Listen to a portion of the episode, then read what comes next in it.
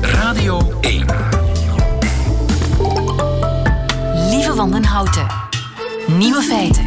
Dag en welkom bij de podcast van Nieuwe Feiten, gebaseerd op de uitzending van 22 mei 2020.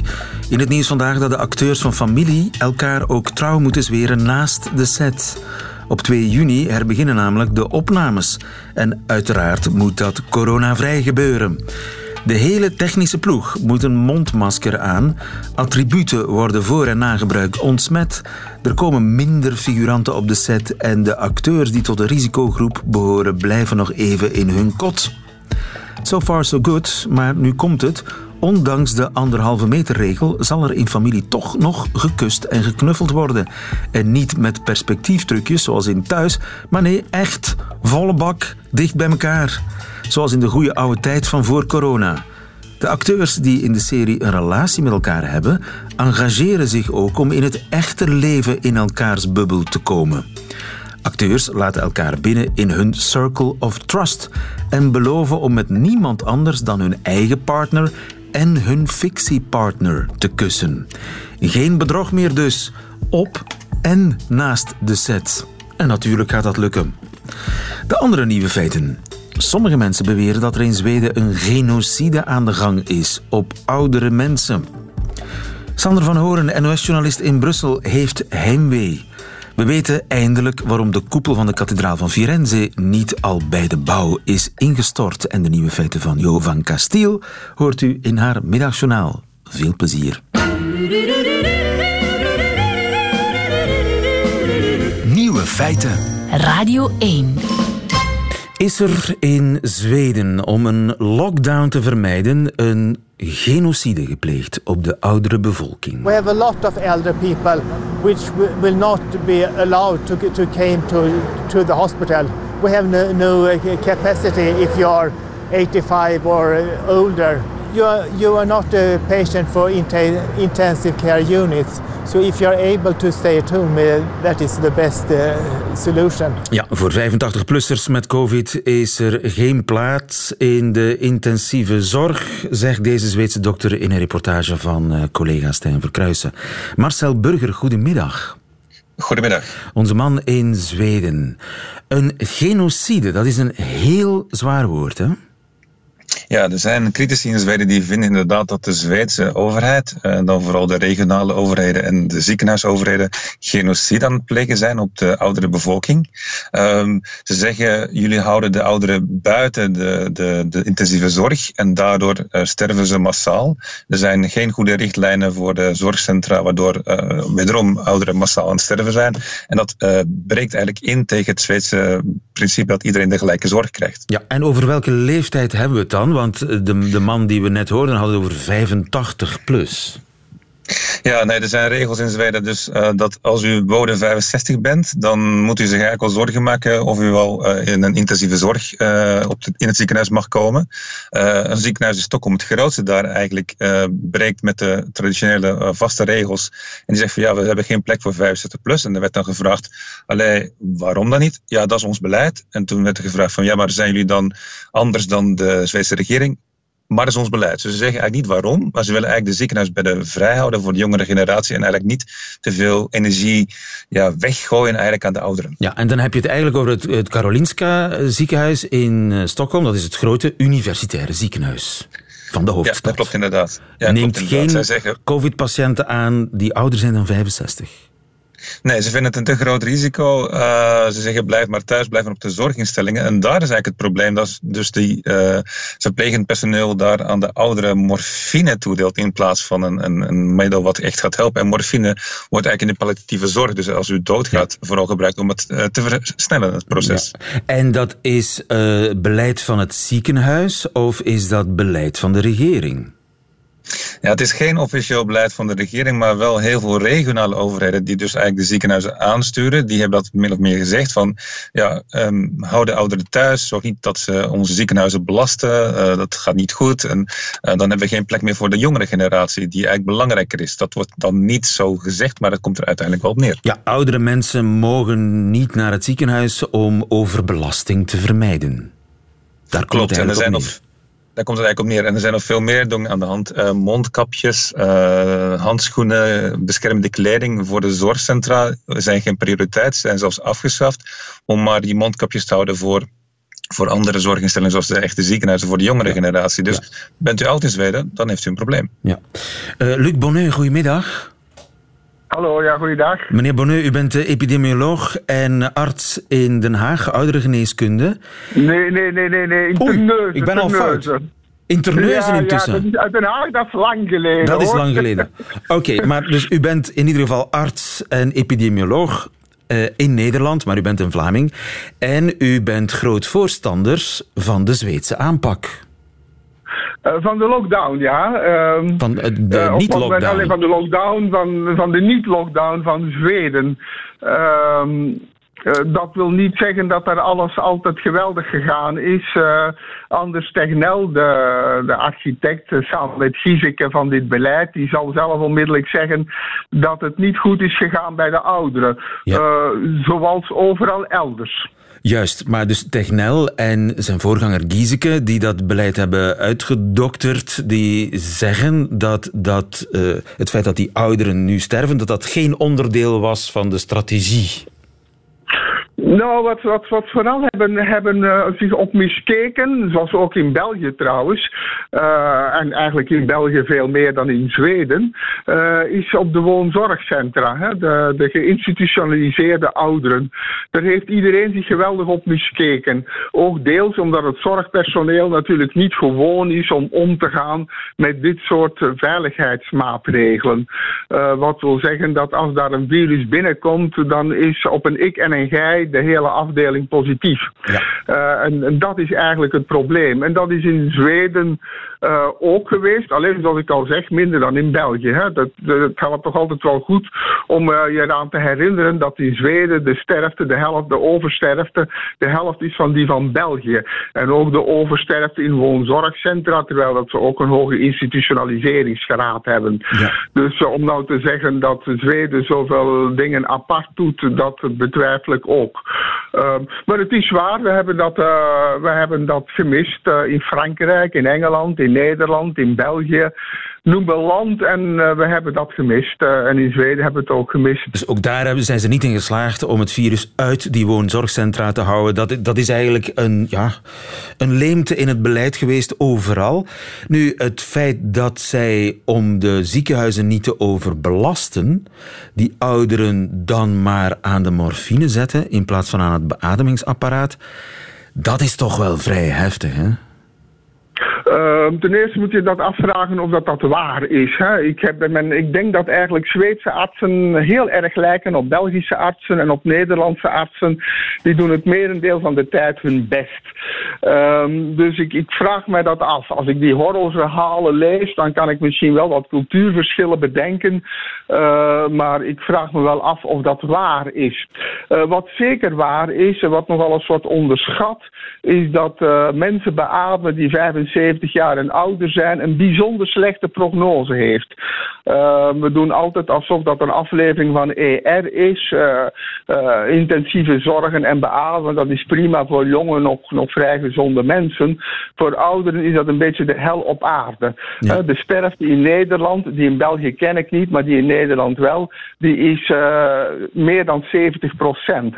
Dus als je daarbij rekening houdt dat de sterfte achterloopt op de opnames, mag je wel grofweg zeggen dat driekwart van de 75-plussers sterft, ondanks de beademing. Uh, van de mensen die overleven, zijn er heel wat die overleven met neurologische schade. Uh, sommige van die schade zal onomkeerbaar zijn. Uh, dus, ik dus u zegt eigenlijk, dat... het is sowieso niet echt het beste idee om 75-plussers met COVID naar de intensieve zorg te sturen? Dat hangt er een beetje van af. Je moet natuurlijk ten eerste, en, en dat, eh, dus ik vind het eigenlijk verschrikkelijk dat goede zorg zo wordt gediaboliseerd hoor. Want het is echt al diaboliseren wat hier gebeurt. Je moet ten eerste natuurlijk gaan overleggen met je mensen. Je moet vragen wat ze willen. Dat heet advanced care planning. Uh, ik zit hier in Zeeuws-Vlaanderen. Zeeuwen zijn de meest nuchtere mensen op aarde, geloof ik. Uh, 80% zegt al dat het voor hen niet meer hoeft. Hè. Die, dat zijn mensen die van gemiddeld 35, die hebben als kind uh, hier de oorlog meegemaakt. Is hier bikkelhard gevochten rond de Scheldemonding. Vervolgens als jonge mensen hebben ze de watersnoodramp meegemaakt. Uh, en die weten dat ze boven de 80 zijn.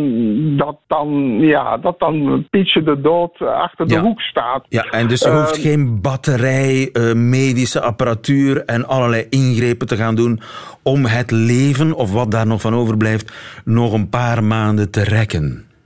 Inderdaad. Maar je moet dat natuurlijk overleggen met de mensen. Hè? En dat doen de Zweden zeker hoor. Nu weet ik niet wat dat die autoriteiten. Je ziet in België hoe gevaarlijk autoriteiten wel zijn met gevaarlijke en domme maatregelen.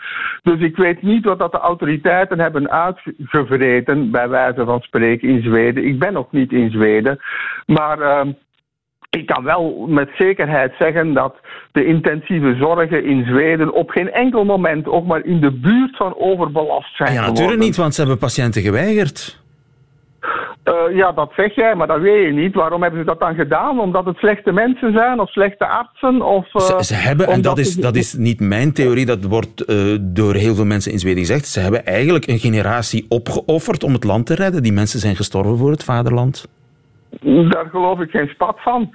Eh, zoals ik al zeg, de sterfte is niet hoger. Ik heb hier heel eventjes eh, snel gezocht naar de, de leeftijdsdistributie van mensen in Zweden opgenomen eh, naar leeftijd in intensieve zorgen. Eh, het merendeel is tussen de 60 en de 69. Je hebt nog een flink pak eh, tegen de 500 die tussen de 70 en de 79 zijn. En dan inderdaad boven de 80 worden het er nog maar weinig. Maar ik zeg dat is in de meest beschaafde landen maar weinig hoor. Ehm, omdat men inderdaad zich bewust is van het feit. Kijk, iemand die boven de 80 is, maar die in uitstekende conditie is, die geen extra aandoeningen heeft, die om het in onze termen te zeggen, niet kwetsbaar is en die naar intensieve zorgen kan, die moet je naar, en die wil dat, die moet je naar intensieve zorgen sturen. Maar enkel die. Eh, bij de anderen ben je een heel raar soort zorg bezig, voordat je inderdaad het lijden aan het trekken bent, maar niet het leven. Juist. En die Zweedse aanpak, streng- die Zweedse aanpak, als we die al zouden willen, zou die bij ons ook werken, denkt u? Ehm, u bedoelt de, de, de not-lockdown aanpak. Ik Juist. zou niet weten waarom niet. Ik hoop het, want u mag eens kunnen bedenken, hè, dit virus dit gaat niet weg. Hè, dit, dit gaat niet oplossen in rook. Dit gaat nu verdwijnen in de zomer, schat ik, omdat de meeste van die virussen seizoensvirussen zijn, maar die komt terug in de herfst. Gaan we dan blijven lockdowns organiseren? Ieder termijn, dat op lang duur, lang, langere termijn de duurzaamheid van economie en maatschappij op het oog heeft, zal heel erg gaan lijken op het Zweedse model van nu hoor. Er is gewoon geen alternatief, terzij dat je geen economie meer wil overhouden. Dankjewel, Luc Bonneux, voor deze krachtige boodschap. Goedemiddag. Nieuwe feiten.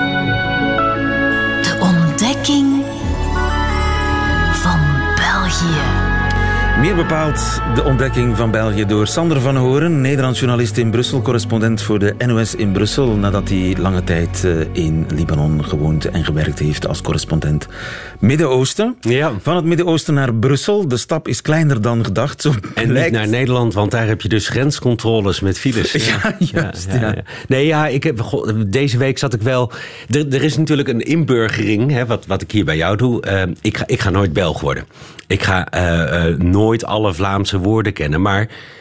Zeker als het een wedstrijdje is tussen landen, identificeer je je toch al vrij snel met het land waar je woont. En waar je de mensen kent en de vrienden hebt. Eh, ik ben nooit Libanees geweest, maar als het ging over Libanon tegen, nou ja, dan, dan was het Libanon boppen, hè, zoals zij dat eh, zeggen. Dus, eh, en dat heb ik ook met België. En als, als ik dan inderdaad zie hoe bijvoorbeeld Nederland altijd losser is omgegaan met coronamaatregelen, toch stiekem de hoop dat zij, en dat is in dit geval Nederland, het slechter zou doen dan wij. En Ja. dat is in dat geval België. Dus de, de, de, de ehm, identificatie die gaat veel sneller. Maar deze week toch hard op mijn eh, nummer gezet hoor, wat dat Oei. betreft. Ja, dus, We dus, doen het niet goed.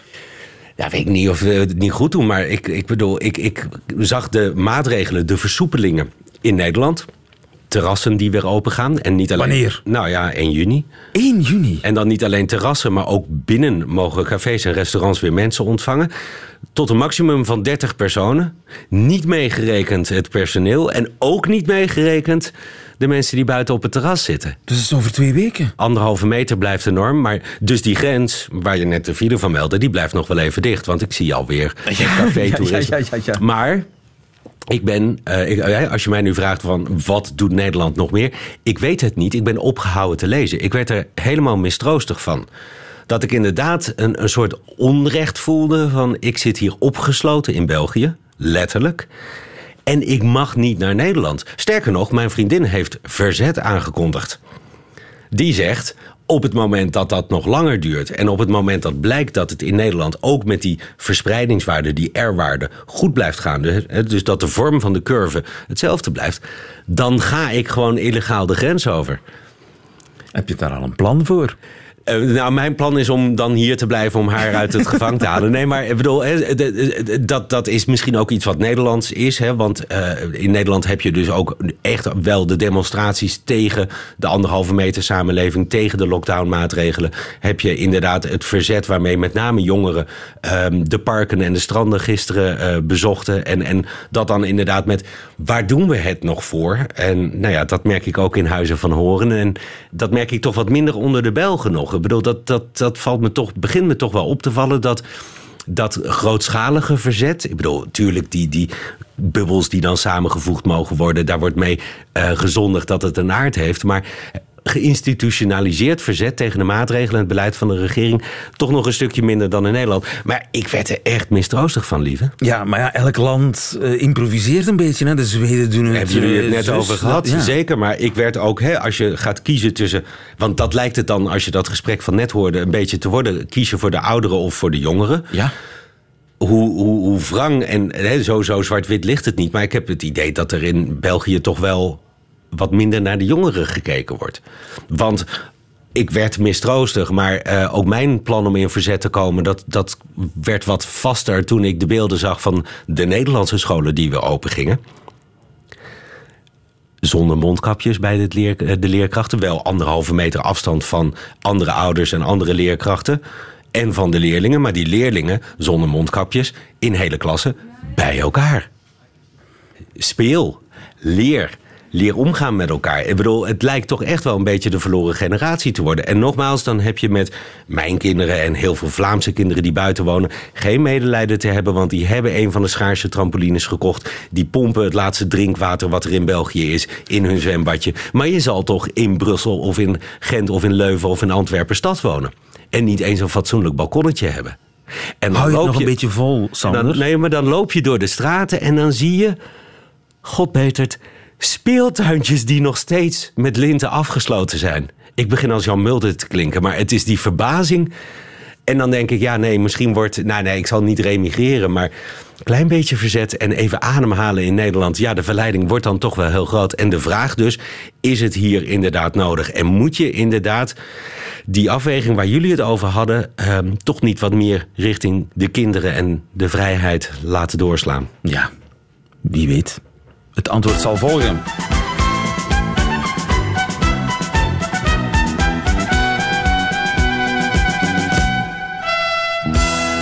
Examen Vlaams. Je heimwee naar Nederland groeit met een minuut. Het thema van deze woordenlijst is smokkel en illegaal de grens overgaan. Had gekund, had gekund. Ja. Nee, het thema is nog steeds corona en ja, vaak ook school.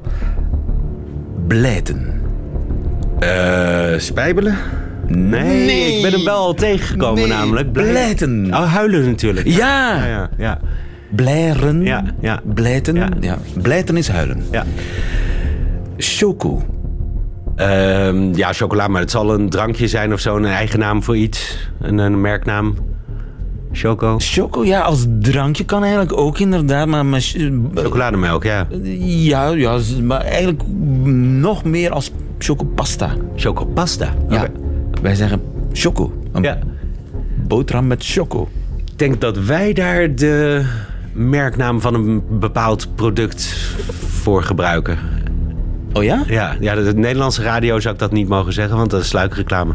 Dus jullie, ah ja, dus de, de- maar nee, maar dus het woord Maar wat- chocopasta zeggen jullie eigenlijk Nee, nauwelijks. ja, we, we gebruiken het wel, maar ik denk, denk, dat weet ik niet zeker, want ik ben lang weg, maar dat, dat voor Nederlandse kinderen die zeggen mag ik een boterham met Nutella en wat er dan ook op zit als het maar bruin is. Ah ja, oké. Zijn kat sturen. Ja, maar die heb je Ah, dat is, dat is eh, oké. ja, verstek laten gaan, maar dan eh, met nadruk. Dus eh, niet, Ja, ja. niet dus dat is ook in. Nederland een courante uitdrukking. Nee, maar je hebt hem al eens eerder gevraagd. En je hoort deze... Maar het is niet in Nederland. Nee, nee, nee, zeker niet. Oké, nee, nee, nee, maar nee. dat is een teken dat je bijleert. Ik mag hopen. Ja, want deze kom je echt wel heel vaak tegen. Oké, ja, dat is en een- ik blijf hem ook zo mooi vinden. Het is een stuurt-. Ja, ja, ja. Oké, maar goed. Ja, je, je leert bij, hè? Ja. Prima, dat stellen wij bij deze vast. Een katoog. Een katoog. Ja. Dat is een moeilijke. Want die wordt zelfs door de jongere generatie, denk ik, niet echt meer gebruikt. Nou, even over... Dat, Heb je een licht of een katoog op je fiets? Ah, een reflector. Juist. Ja, Maar in, in dit kader had gepast. U gaat door voor de koelkast. dat zegt jou ook niks? U gaat door voor de koel. Nou ja, dat is vroeger die spelletjeshows. Ja, ja, ja, waar je met... eh, Fred Oster, Ja, precies. Met miljoenen Nederlanders en toen ook nog Vlamingen naar keek. En een koelkast was heel duur. Dus dan had je een vraag goed en dan ging je door voor de koelkast. En ik besefte laatst dat ik dat mijn kinderen moest uitleggen. Want die spelletjeshows, ja, tegenwoordig heb je dat niet meer. Dat een koelkast een luxe artikel is. Dat, ja, ja, jij gaat door voor de koelkast inderdaad. Of voor de kleuren. Kijk, wat was het ook al? Een kleurentelevisie kijkstoel. Bijvoorbeeld, ja, ja. ja, precies. Een pronostiek. Een eh, pronostiek of een prognostiek? Een pronostiek. Nee, want anders zou ik zeggen een voorspelling of een eh, weet ik veel wat. Maar dat, zal... Het is inderdaad een voorspelling, maar wij zeggen echt pronostiek. Ja. Zeggen we echt. maar dat komt van de prognostica, toch? Neem ik Ja. aan. Ja. Dus hoe lang gaat het nog duren voor wij terug op café kunnen? Ja. Een pronostiekje? Ja. De pronostiek? Ja, wij, zouden in dit geval de glazen bol gebruiken, denk ik. Maar, ja. De glazen bal. Maar het, ik wil... maar, maar ook weer zoiets, hè? Want dan, ik, ik zat dus te wachten op woensdag hier de zeven premiers die zouden aankondigen wat dan in navolging van Nederland en Frankrijk. Hier, de, er was geen persconferentie van Wilmes. En toen wilde ik weg. Nou ja, sorry. Even. Ja, je, je blijft toch nog even, want Ja. ik, ik wil jou volgende week terugzien. Ik eh, kom zeker. Onder meer om jou te ondervragen over je kennis Vlaams. Altijd heerlijk. Dankjewel, tot volgende week. Sander van Horen. Radio 1. Nieuwe feiten. Het is zonder meer een van de mooiste kerken ter wereld, de Duomo in Firenze. U kent hem wel, die koepel, die prachtige mooie koepel. Bekend van postkaarten, films, Room with a View, noem maar op. Allemaal films waarin die prachtige Italiaanse kerk, 14e eeuwse kerk, eh, te zien is. We weten nu eindelijk waarom die nog niet lang is ingestort. Dag Sigrid, goedemiddag. Uh, goedemiddag, lieve. Sigrid Adriaansens, ik bel jou in Princeton, in eh, eh, Amerika aan de oostkust, waar jij aan de universiteit ingenieur bent. En je hebt meegewerkt aan een onderzoek naar koepels. De koepels van de renaissance in Italië. Ben je zelf in Italië gaan onderzoeken?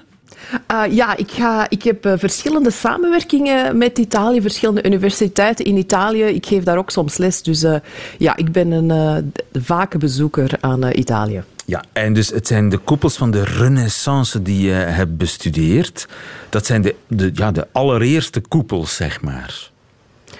Uh, het zijn niet echt de allereerste koepels, want de allereerste koepels, daarvoor moeten we teruggaan naar uh, het Romeinse Rijk eigenlijk. Ah, ja, Als je denkt Pantheon. aan het, Inderdaad, het Pantheon is uh, het, eigenlijk het meest ongelooflijke voorbeeld van een zeer uh, grote overspanning van een koepel die gemaakt werd op dat ogenblik uit uh, nieuw materiaal. En dus ook het Pantheon is eigenlijk een inspiratie geweest voor de Dom in Firenze. Ja, en als je daarnaar kijkt, naar die domen in Firenze, dat, er lopen allemaal witte ballijnen van de basis naar de top.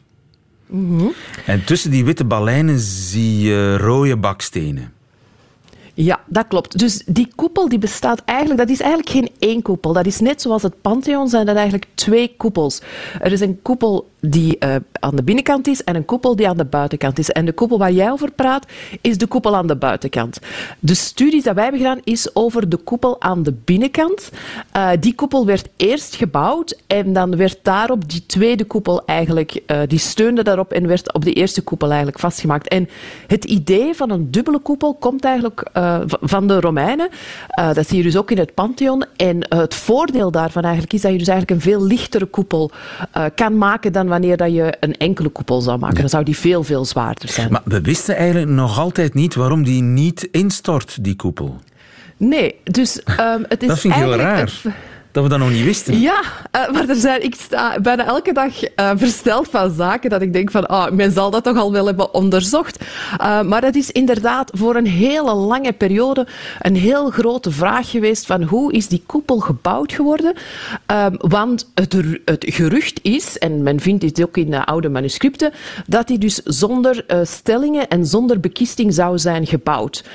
Brunelleschi, die eigenlijk die dom heeft gebouwd, die heeft dus geen maquettes of geen tekeningen of geen uh, documenten daarover nagelaten. Dus men wist dat wel, um, maar uh, het heeft eigenlijk tot vandaag geduurd totdat wij, en samen met mijn eh, medewerkers aan de Universiteit van Bergamo, uh, totdat wij dus eigenlijk die, die echt die um, ingenieursstudies hebben gedaan om te kijken van hoe is dat nu eigenlijk mogelijk om zo'n zware koepel te bouwen zonder daar enige stelling of zonder daar enige bekisting voor te gebruiken. Ja, maar het zijn allemaal bakstenen. Als je, en die bakstenen die lopen schuin naar de top. Dus als je die bakstenen... Als ik een schuine muur zou metsen, ja, dan, dan stort dat ding in, nog voordat de mortel droog is.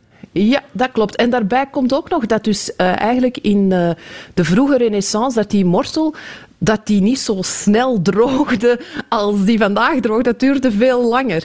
Uh, dus nee, dus Brunelleschi die had eigenlijk een ongelooflijk interessant systeem bedacht, uh, waarbij dat die, die bakstenen in een bepaald patroon legde, uh, zodanig dat hij dus heel die doom, en je mag niet vergeten, die doom is uh, 42 meter wijd, is ontzettend breed, die weegt ongeveer het equivalent van 5000 olifanten. Dus dat is gigantisch, die, hè, die koepel. Dat is echt dat is waanzinnig. Als ja. je daar vlakbij staat, dan ongelooflijk groot. Ja. Ja, ja, ja, het is echt een, uh, moet ik dat zeggen, een meesterwerk van wat mensen eigenlijk kunnen. Is, en het is ook mooi. Het is mooi en nuttig. En uh, het is natuurlijk ook uh, stabiel. Hè? Het staat recht. Maar het geheim is het patroon waarin die bakstenen gelegd zijn. En kun je daar iets over zeggen, over dat patroon? Ja, absoluut. Dus er zijn eigenlijk twee zaken die echt aan de basis liggen van de stabiliteit van die koepel, terwijl dat die wordt opgebouwd. En zoals je al vermeldde, als je een muur begint te bouwen en die begint die zo wat te krommen, dan valt die in. Dus het eerste is dat die uh, metselaars, uh, die bouwden dat niet uh, in, laten we zeggen, in stukken, maar die bouwden dat in de ringen zoals je een iglo zou bouwen. Dus je, die legden de eerste laag bakstenen, en eens dat die uh, horizontaal en eens dat die ring gesloten was, legden ze de volgende laag bakstenen en dan de volgende laag bakstenen. Dus dat is heel belangrijk. Dus ze bouwden dat niet in spieën, om zo te zeggen. Ze bouwden het in de ringen. Het werd dus horizontaal opgebouwd, dat is het eerste. En het tweede, dit is eigenlijk het allerbelangrijkste, uh, is dat zij dus een uh, specifiek pat, bakstenen patroon gebruikten. En dat noemt men de herring, herringbone pattern, of um, in, Nederlands noemt dat het Visegraad patroon. En um, dus meeste van die bakstenen, die lagen, die worden horizontaal gelegd, maar af en toe wordt er een baksteen verticaal uh, gezet. En um, men plaatst die uh, verticale bakstenen zodanig dat die eigenlijk in een spiraal gaan van de basis, helemaal krommen die zich spiralend helemaal naar boven uh, tot aan de, wat we noemen de kroon. Dus helemaal bovenaan ja, de ja, ja, dus als je dat van op een afstand bekijkt, dan zie je een soort ruitenpatroon. Klopt, ja, dat klopt. Maar je kan er dus Ruiten van die de, naar boven de... lopen, bij wijze van spreken. Klopt. Ja. Uh, maar je kan dat dus aan de, uh, de doom in uh, Firenze niet zien, omdat daar dus nog een tweede doom op staat. Maar wat dat dus die verticale bakstenen eigenlijk doen, is eens dat je aan de horizontale lagen komen die echt naar, naar binnen beginnen te hellen, en dat dus eigenlijk je bakstenen naar beneden zouden beginnen glijden en beginnen afglijden, rijden die zich eigenlijk vast, die bakstenen, tegen die verticale bakstenen. Die verticale bakstenen zijn zo'n beetje gelijk boeksteuntjes. Als je, daar, als je boeken daar echt inklemt, dan zitten die vast. Ja, ja. En het zijn dus eigenlijk die verticale bakstenen, waar je, dus die dat spiraalpatroon maken. Je zou denken van, oh, dat is gewoon puur decoratief. Nee, die zijn dus super belangrijk in het tegenhouden van de horizontale bakstenen die normaal gezien naar, naar binnen zouden glijden. En dus met die patronen kan men dus uh, wat men noemt uh, self-supporting structures maken. Hè? Dus structuren die je kan bouwen zonder dat, dat je uh, bekisting nodig hebt of zonder dat je um, stellingen nodig hebt. Ja. En dat is, dat is dus wat um, Brunelleschi heeft gebruikt. Maar dat is eigenlijk alleen gebruikt, dat systeem, voor de inwendige koepel. Voor de uitwendige koepel aan de buitenkant had dat dan niet nodig? Nee, want eens dat je die uh, binnenkoepel hebt gemaakt, kan je die eigenlijk gebruiken als een soort bekisting. Kan je die andere, uh, die buitenste koppel, daarop laten steunen. Dus in die buitenste koppel zie je ribben, die, zoals je al vermeld hebt, die, dat zijn marmeren ribben die van uh, beneden naar boven gaan en daartussen bakstenen vlakken eigenlijk. Hè. Ja. Maar die steunen dus op die binnenste koepel. Maar dus echt, de, de kunst is om die binnenste koepel te maken zonder dat daar iets uh, aan ondersteund ja. wordt. Dat is eigenlijk, uh, eigenlijk het genie van ja, uh, Brunelleschi. Hè? En dat is in Firenze voor het eerst toegepast? Um, men weet dat niet helemaal. Dus er zijn nog van die koepels. Er zijn natuurlijk geen documenten of zo. Er zijn nog van die koepels uit de 11e eeuw uh, in Iran. Dus in uh, Iran zijn er ook oh. prachtige um, ja, prachtige bakstenen koepels uh, gemaakt. Um, er is uh, bijvoorbeeld de Vrijdagmoskee in Isfahan. Als je daar uh, binnen gaat, zie je dus aan de binnenkant dat um, herringbone-patroon. en men denkt dus dat dat eigenlijk voortkomt uit een Arabische of een Byzantijnse traditie. Ah, ja, ja, ja, ja. Maar de Romeinen die hadden een ander systeem. Ja, dus de Romeinen, als we, ik heb al, we hebben al over het Pantheon gepraat, dus die gebruikten ook voor het Pantheon, dus ook een dubbele koepel, maar die gebruikten uh, beton, ongewapend ja. beton. En dat was al in vorm gegoten? Uh, nee, uh, dat werd uh, ter plaatse gegoten. Dus dat is vloeiend, dat is verschillend dan baksteen, want bakstenen zijn vaste vormen. dat is een vloeiend materiaal dat onder, onder, andere ook met vulkanisch as werd gemaakt. En daar werden in het Pantheon ook terracotta scherven van kruiken en zo ingestoken om dat nog te versterken. Ja, dat is waanzinnig, hè? hoe slim die Romeinen al waren. Kennis die verloren is gegaan, maar die dan eigenlijk ja, min of meer her, is, maar in een andere vorm. In de renaissance zijn ze weer koepels gaan bouwen en hebben ze dat ook op een hele slimme manier gedaan. Dat uh, ontdekte Sigrid Adriaansens aan de Universiteit van Princeton. Heb ik jou lastig gevallen, waarvoor dank. Tot de volgende keer. Goedemiddag. Goedemiddag, dag. Dat waren de nieuwe feiten van 22 mei 2020. Alleen nog die van de Amerikaanse, maar in Vlaanderen wonende comedienne Jo van Castiel hoort u in haar middagjournaal. Nieuwe feiten. Middagjournaal. Goedemiddag. Deze tijden zijn moeilijk voor iedereen, maar vooral voor de waarzeggers. Die hebben vijf maanden geleden voorspellingen gemaakt. Ja, voor hun is het nu extra moeilijk. Want ze hebben allemaal één belangrijke gebeurtenis niet gezien. Geen van die helderzienden heeft de coronaramp zien aankomen. Oeps! En ik weet dat niemand het heeft zien aankomen, want ik lees dat soort voorspellingen graag. En ik zou het hebben gemerkt als iemand iets had gezegd zoals in het jaar 2020 zal Johnny Depp zijn ex-vrouw voor het gerecht dagen. Het leven zoals we het allemaal kennen zal veranderen door een wereldwijde pandemie. En zangeres Adele zal 50 kilo verliezen. Geen enkele van die waarzegers hebben het gezien. Dus hoe gaan die helderziende mensen ooit nieuw werk vinden? Oké, mevrouw, u wilt dus voor de horoscoop van ons magazine schrijven? Maar ja, vorig jaar hebt u een van de grootste gebeurtenissen ooit niet voorspeld. Oh, spreekt u over al dat gedoe met prins Harry en Meghan Markle? Dat heb ik wel voorspeld, hoor. Hier, kijk maar. Mm, ja, maar er is nog iets dat een beetje groter was en dat staat totaal niet tussen uw voorspellingen. U bedoelt de baby van Natalia? Ik dacht dat iedereen dat al wist. Uh, ja, oké, okay, dank u om langs te komen. We bellen u nog. Het is zo jammer. Nergens kan je een goede voorspelling over deze vreemde tijden vinden, behalve in de Bijbel. Maar in het boek Apocalyps is er dan weer heel weinig te lezen over Meghan Markle of de baby van Natalia. Blijkbaar weet niemand het echt allemaal. Tot volgende keer.